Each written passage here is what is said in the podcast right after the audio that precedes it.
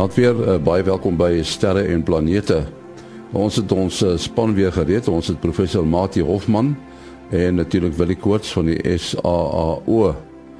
Daar is ook 'n ruimte nuus wat geskryf word deur Herman Torin in Bloemfontein.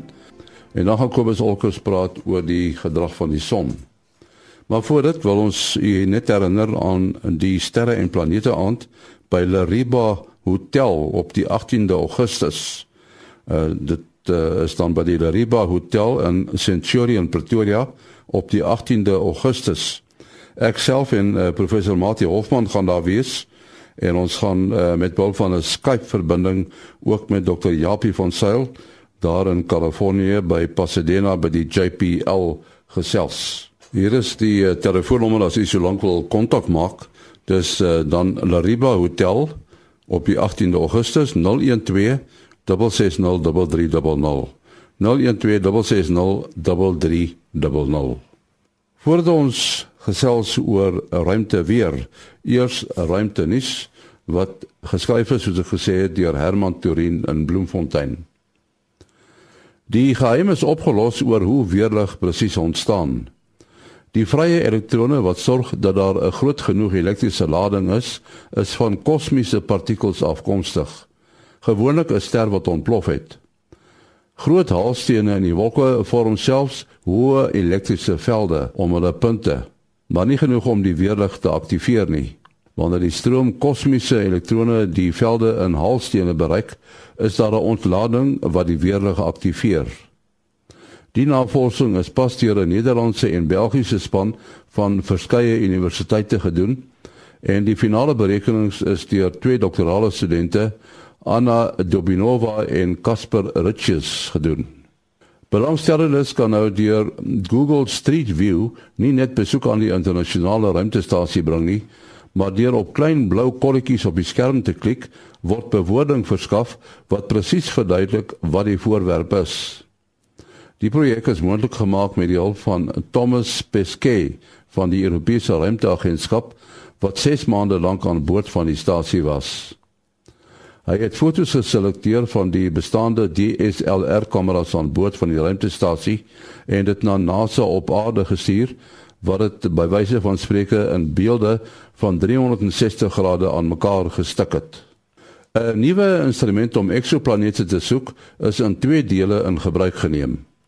Die een deel is by die European Southern Observatory in die Atacama woestyn opgestel en die ander op die Kanariese eilande.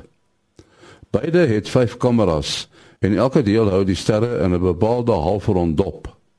Die kameras let op na sterre van wie die lig skielik afneem, wat waarskynlik dui op 'n planeet wat voor die ster in beweeg. Die data kan dan deur kragtiger teleskope ondersoek word. Tot sover dan ruimtenis wat geskryf is deur Herman Turin in Bloemfontein. Nou kom ons okkers daar in Florida, Amerika. Uh, as ons kyk wat op die son aan die gang is, kan mense dit eintlik net met een woord saamvat en dit is uh dood doodstil of as mense 'n bietjie vir verder uitbrei, mors doodstil. Uh maar daar is tog 'n paar interessante goed in die gang waarvan ons moet kennis neem. En wat vir ons seker sekerlik 'n bietjie van 'n invloed hier gaan gee in ons ruimte weer hier op aarde. Die eerste uh ding waarna mense moet kyk is is ons groot koronagat waaroor ons verlede week gesels het. Hy is nou afgeroteer. Uh, daar is, is nog steeds 'n baie groot gedeelte op die noordpool van die son en hierdie week ook op die suidpool, maar die goed is natuurlik nie aardgeoriënteerd nie, aardgerig nie en dis gaan ons ons nou nie daaroor bekommer nie. Daar is 'n klein koronagatjie wat uh, ek skat teen Woensdagoggend se koers vir ons gaan geo-effektief raak. Sy magnetiese polariteit is effe noordwaarts uh, alhoewel in die suidelike halfrond van die son sit is sy magnetiese polariteit noordwaarts relatief tot die aarde se magnetveld hy sal dus nie veel van 'n invloed hê nie behalwe op ons kortgolfluisteraars. Dan wat filamente aanbetref uh, ook bitter min. Uh, die een of twee wat daar is is baie ver noord noord en baie ver suid. En as hulle sou loskom gaan hulle nie vir ons veel van 'n probleem gee nie behalwe natuurlik as hulle sou platval en hydervakkel gee uh, wat dan 'n bietjie met die ionosfeer kan kan mors. Maar ek sou sê die kanse daarvoor is bitter skraal hier in die omgewing van 10-15%. 'n Interessante dingetjie, uh, ons het hierdie week uh, geen sonvlekke soos wat ons nou normaalweg daarvan weet nie. Ons het nou so wat so 'n ding wat so pas oor die rand van die son verskyn het is 'n wit sonvlek. En wat hierdie tipe sonvlek vir ons doen is om vir ons eintlik 'n beeld te gee na die helder gedeelte onder die oppervlakte van die son. Waar ons gewone sonvlekke is, magneetvelde is wat by die plaaslike temperature op die oppervlakte van die son eintlik 'n bietjie verlaag uh en die laer temperatuur teen die teen die res van die son se oppervlakte uh, rondom dit uh lyk dan vir ons uh laat vir ons hierdie sonvlek nou donkerder lyk omdat die temperatuur by hom laer is. Wat uh hierdie ander jy nou effe uniek maak is die feit dat hy eintlik vir ons 'n uh, amper soos 'n lens gee waarmee ons deur die oppervlakte van die son kan kyk na die na 'n uh, nog 'n dieper vlak onder die oppervlak van die son en dan kan ons nou die helder die helder ehm um, die baie warmer gedeelte onder die onder die oppervlak van die son kan ons nou deur hier weer sien en dit gee dan vir ons 'n wit sonvlek. Dit was dan Kobus Olkers en ruimte weer. Ons het uh, ons span gereed hier by die uh, sterre en planete mikrofoon en dit is uh wat ek kort daar in die koue ja ek wou op sê Sutherland nee hulle hulle het mos nie vir nie die naam Sutherland daar vir julle gegee nie nê Ja, iemand het hierso gister gesê dit miskien ook Bibberland noem nou ja, dit is reg. is nogal cool hierso. en dan uh, professor Mati Hofman kuier op die oomblik hier in Pretoria en uh, natuurlik is uh, professor Hofman van die digitale planetarium op Naval Hill en dis deel van die Universiteit van die Vrystaat. Uh wat ek het uh so 'n bietjie gedink oor maniere wat die mens in die verlede gebruik het om om rigting te bepaal. Hierdie kompas het nou heel wat later gekom. Maar ek dink nou aan die seevaarders, jy weet, hulle hulle het sulke goed soos 'n sekstant te gebruik. Hoe akkuraat was die goed? Die sterweg in die Kaap waar waar ons wat ons hoofkantoor is, het uh nogal 'n heel geskiedenis met navigasie. Uh my ware te sê die sterweg is in 1820 daar gestig met die uitsluitlike doel om uh, die posisies van uh, suidelike sterre akkuraat te te bepaal. Tot op daai stadium was die die sterreposisies in die suidelike halfrond nie so goed bekend nie en uh dan in eerste plek maak dit nie saak hoe goed jy dit kan meet soos jy nou sê met 'n sextant en so voort as die as jou sterkaarte uh nie nie akkuraat is nie. Ja, so 'n uh, sextant is basies 'n instrument waarmee jy die hoogte van 'n hemelliggaam en dit kan 'n ster of die son of die maan wees, uh bo kan die horison bepaal. Uh dit, dit is jou lokale horison waar jy ook al is. Nou as 'n mens jouself indink, die aarde is 'n is 'n bal, soos wat hulle nou van die noorde af suid geseil het, uh, sou die noordelike sterre al hoe laer begin sit en die suidelike sterre sal effektief begin opkom en uh vandag die Magellaanse wolke wat ons ken daai twee uh, satellietgalaksies rondom ons eie uh, uh, uh, Melkweg uh, is juis ontdek deur Magellaan wat uh, hier afgeseil het en gesien het hierso is sulke wolkies en hoe verder hy geseil het hoe hoër het hierdie wolkies bo kan die horison uitgeklim. Um, so dan terugwerk uh van af 'n uh, sterkaart of wat ook al wat die wat die ster se posisie is uh is sal jy dan bepaal wat sy hoogte moes gesit vanaf 'n sekere breedtegraad. Dit is sommer baie eenvoudig gestel. Ek slaat nie 'n navigator wat hierdie goed aanbetref nie. Uh so dis dan om jou breedtegraad te bepaal en uh, en dan jou lengtegraad het afhang van die aarde se rotasie uh en uh, dan het hulle hierdie skeepshorlosies in Engels praat hulle van chronometers, chronometers, het uh, elke skip aan boord gehad, uh, baie akkurate horlosies, wel akkurate sy tyd natuurlik. Vandag is ons armhorlosies baie meer akkuraat as daai tyd. Ehm um, dit het juis uh, waar die sterrewag in die Kaap weer eens ingekom het sodra jy 'n sterrewag het, het jy akkurate tyd want die sterrekundiges het eintlik die tyd van die sterre af teruggewerk na ons noem dit nou maar sontyd ons horlosie tyd ons wat ons ons bepaal. Dan terwyl die skepe dan in in die in die hawe lê het hulle dan uh die die sterrewag self het het dan 'n sein tydsein voorsien. Uh die sterrewag is op 'n koppie gebou dat dit uh, sigbaar is uit die hawe uit.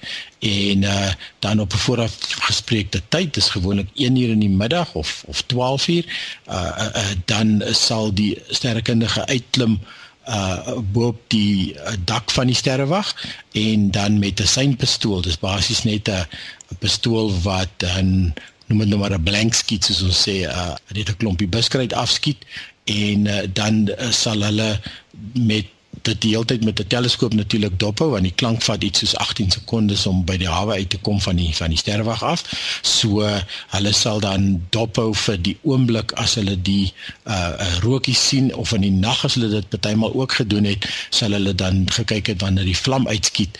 Hulle dan nie fisies hulle kronometers verstel nie. Wat hulle net gedoen het is hulle het in hulle skeepsjoernaal waar al die belangrike inligting aangeteken is van hele reis ensovoorts sal hulle dan uh, op daai oomblik sal iemand die tyd uitskree uh, of sal skree daar sien daar sien hy nou die uh, die flits of die rook en die persoon wat die wat die skeepshorlosie beman sal dan die presiese oomblik aanteken wat uh die horlosie gelees het op daai oomblik. En uh en dan sal hulle dit vir 'n paar dae doen terwyl hulle in 'n hawe lê en uh, uh dan die uh um, die bepaal hoeveel die horlosie dan wen of verloor.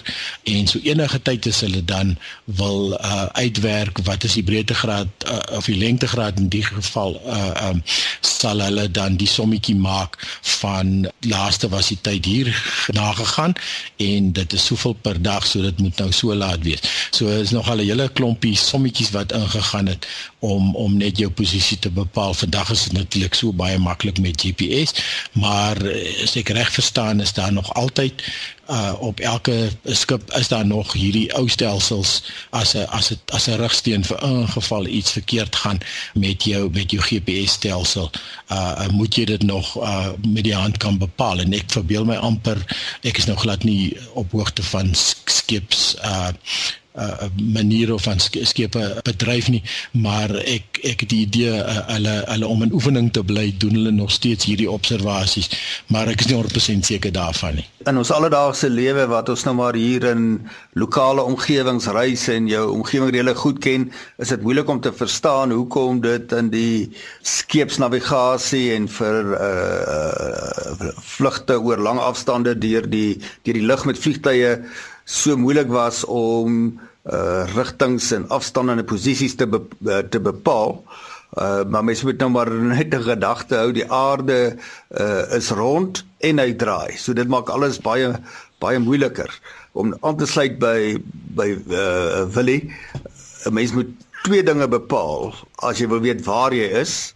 As jy nou nog bykomend 'n kompas het, dan kan jy nou bepaal van waar jy is, hoe moet jy by 'n bepaalde plek uitkom? Jy moet jou uh uh rigting ook hê. Nou die kompas is nogal verbasend oud. Dit kom van die uh, Chinese al meer as 2000 jaar gelede. Ek was so half verbaas uh toe ek dit uh, dit raak sien. Ek het ook maar gedink dit kom hier uit die middeleeue uit, maar dit is 'n uh, baie ou instrument. Uh maar kom ons kyk nou uh, vat 'n maklike voorbeeld van hoe 'n mens jou posisie sou kon bepaal of jou tyd afhangende van wat jy ken, uh, wat jy ken. As jy uh jou tyd het, kan jy posisie maklik bepaal en en omgekeerd.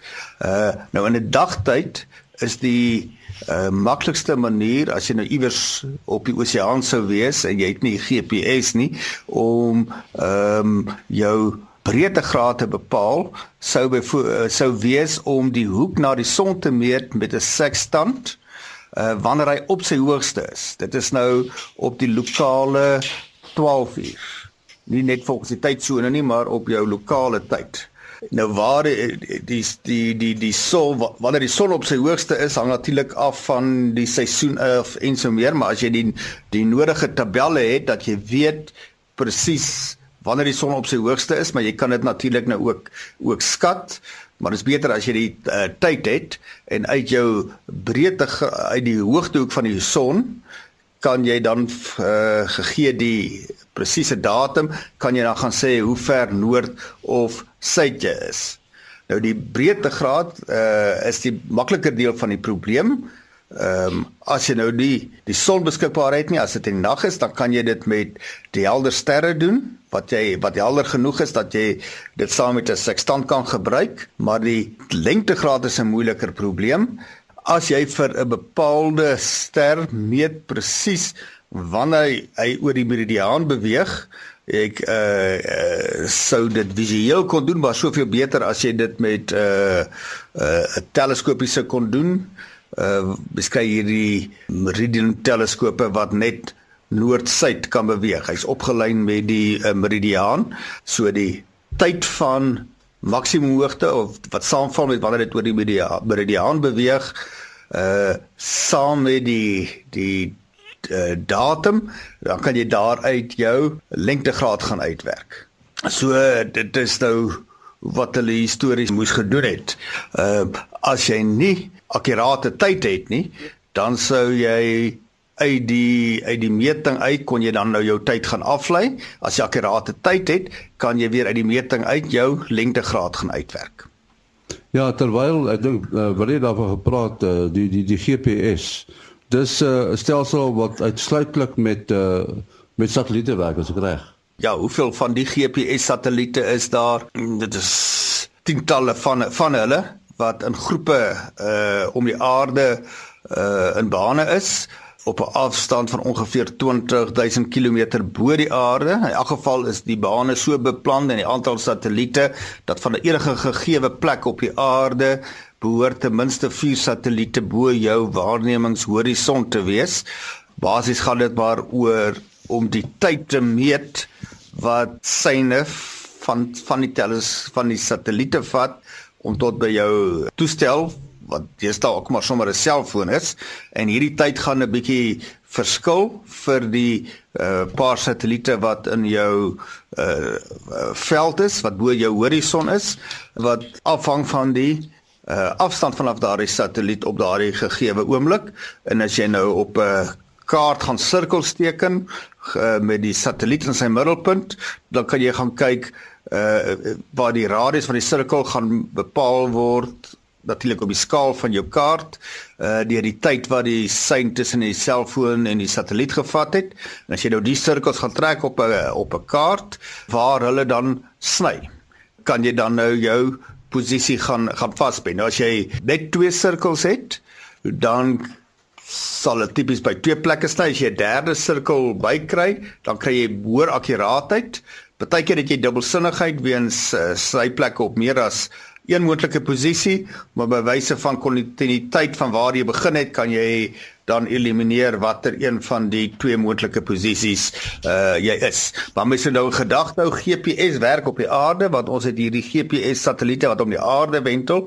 As jy met uh ruimtesendings besig is, sê nou maar jy het uh, uh, ruimtetuier wat rondom Mars wentel of jy het 'n uh, tuig wat jy op Mars wil gaan aan, wil gaan laat land, daarso het jy nie GPS satelliete beskikbaar nie. Daar sal seker in die toekoms sulke stelsels gevestig word. Maar ons kan nou nou Japie van sy het al bietjie oor die probleem gepraat, uh hoe hulle dit moet ondervang om posisies akkuraat te bepaal. Ek weet Canopus het nogal 'n belangrike rol gespeel. Uh, Mati het nou gepraat van uh, satelliete wat nou nie om die aarde wentel nie, maar sê maar om die maan of nie wel uh, selfs verder na Mars toe.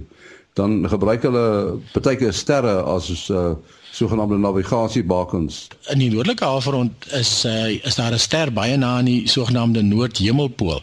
Nou wat dit beteken is dis dan waar die aarde se as uh, die verlenging van die aarde se as basies die uh, hemel tref as jy as jy dit so da, so wil sien en uh, soos die aarde roteer uh, sal Polaris se posisie basies stil staan as jy as jy so raamtrend dink. So as jy dus in die noordelike halfrond is en jy kan vir Polaris sien wat jy natuurlik as dit nie bewolk is nie, oral in die noordelike halfrond uit kan sien, uh hoef jy slegs Polaris se hoogte bokant die horison jou lokale horison te bepaal en jy het jou breedtegraad. Ehm um, soos jy dan nou omseil na die suidelike halfrond toe, verloor jy vir vir Polaris, uh vir alles jy die ewenaar oorsteek uh en ehm um, nou Canopus lê nie te ver van die suidelike hemelpool af nie, maar natuurlik ver genoeg dat jy al daai sommetjies moet maak wat wat Mati voorheen van gepraat het. Maar ek dink soos die grense verskuif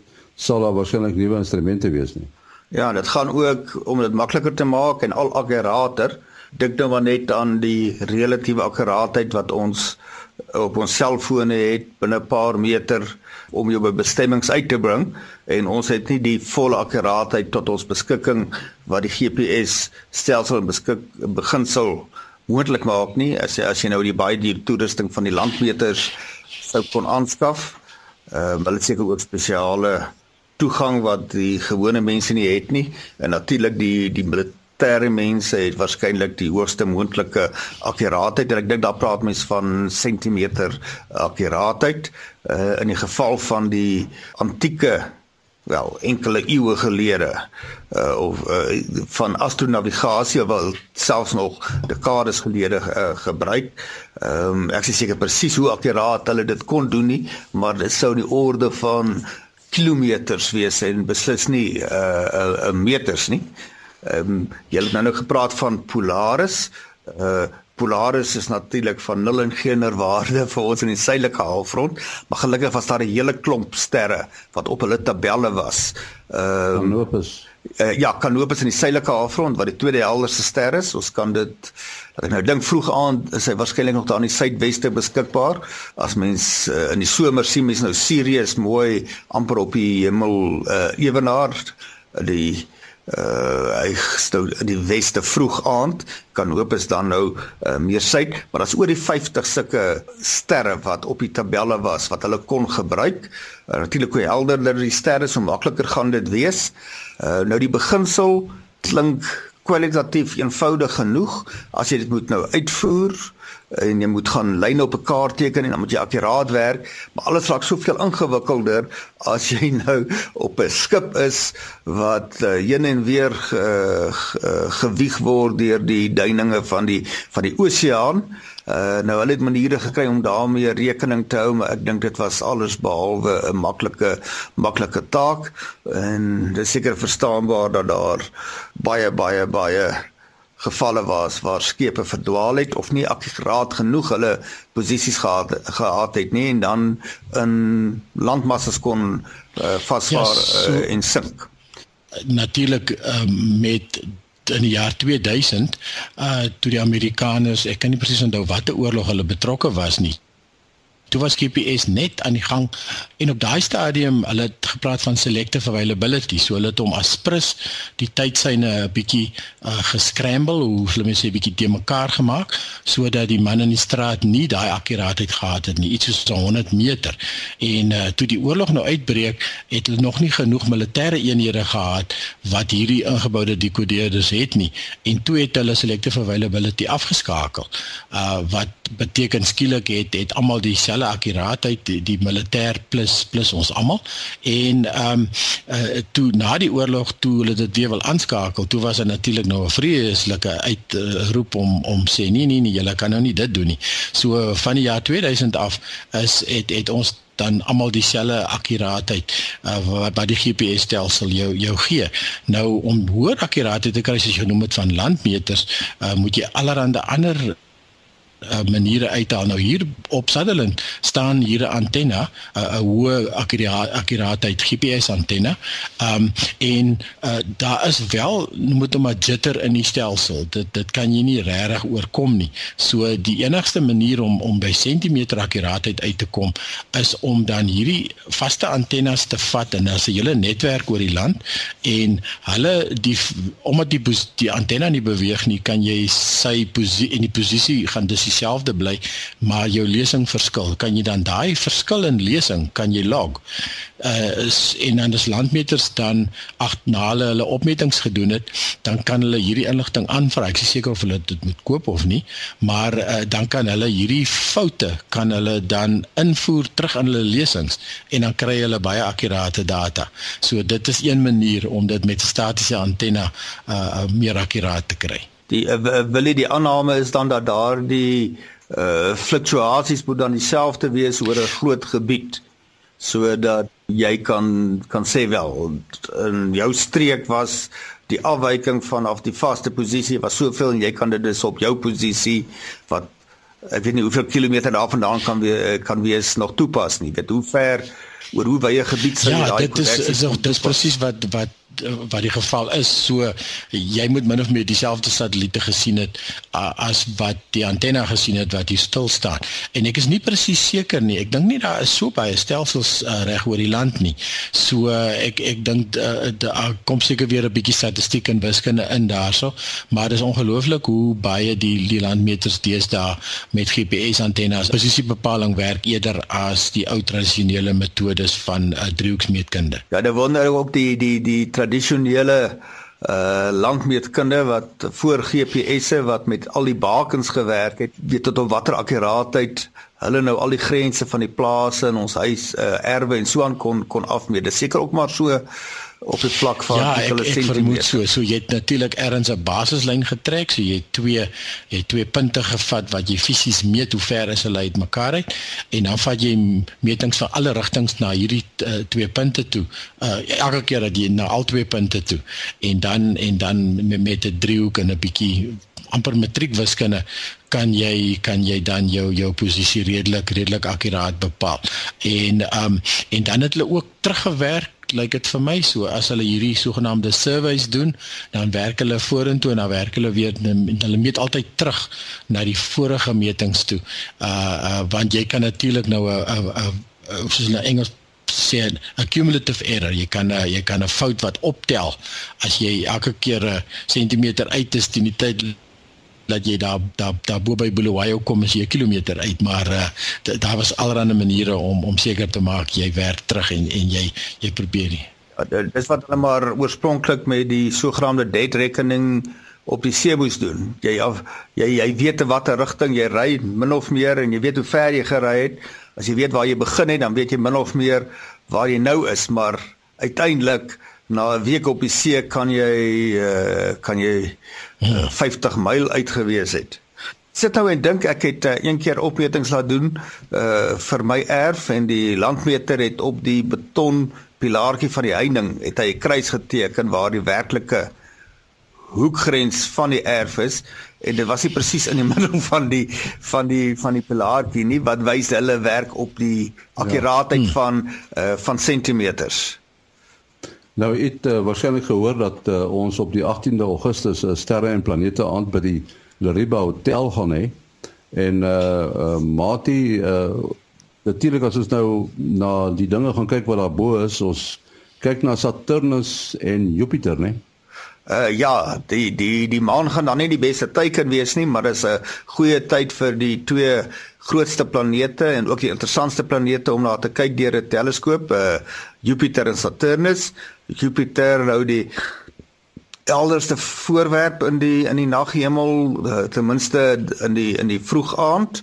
Hy sit nou al so bietjie na die ooste kant toe van die meridiaan en Saturnus sit nou nog nog ooswaarts en uh, terwyl dit mooi voorwerpe is om daar te kyk nie net mooi nie aanskoulik baie aanskoulik Saturnus met sy ringe en Jupiter met die bande in sy atmosfeer en sy vier helder maane die Galileaanse maane wat 'n mens kan sien. Ehm um, weet ons uh hulle is ook ge, gaan nog gereeld in die nuus wees in die volgende weke en maande danksy die Juno sending by Jupiter wat baie meer inligting oor uh, Jupiter se atmosfeer inwin en ook die dieper laag van die atmosfeer. Ons kan nou maar net dink aan uh, onlangse uh, aanskoulike fotos wat geneem is toe hulle die naaste nog aan Jupiter se recall kan kom en dan is daar die Cassini sending wat uh ingespiraal het al nader aan Saturnus en nou uh, elke nou en dan tussen Saturnus en sy ringe verbyskuur en ook waarskynlik nuwe ontdekkings daarso gaan maak. So Japie van Sail gaan ons ook by die geleentheid ja, oor Skype optree. Skype verbinding, ja. ja. Ons sê baie dankie aan uh, Willie Koorts daar in Sutherland, Sutherland. Nee, wat, nee, wat, dit is die voor verwarmertjie. die, die, wil jy, is daar 'n goeie fundamentele rede hoekom koue so lief vir teleskope? Dit is 'n goeie vraag. Uh, en en ek die die die voordeel daarvan is dat dit maak die atmosfeer lekker lekker stabiel. So uh, ja, uh, dit is 'n goeie vraag. Dis seker rede hoekom hulle sterrewag net een van die redes kom die sterrewag hierso hierso geposisioneer is. Nou ons sê ook baie dankie aan uh, professor Mati Hofman wat uh, uh vanaand hier by ons in die ateljee in Pretoria is vir uh, sterre en planete. Net in slotte weer die uh, sterre en planete aand by die Lariba Hotel op die 18de Augustus. As jy wil bespreek 012 660 3300 012 660 3300 Tot volgende week. Alles van die beste.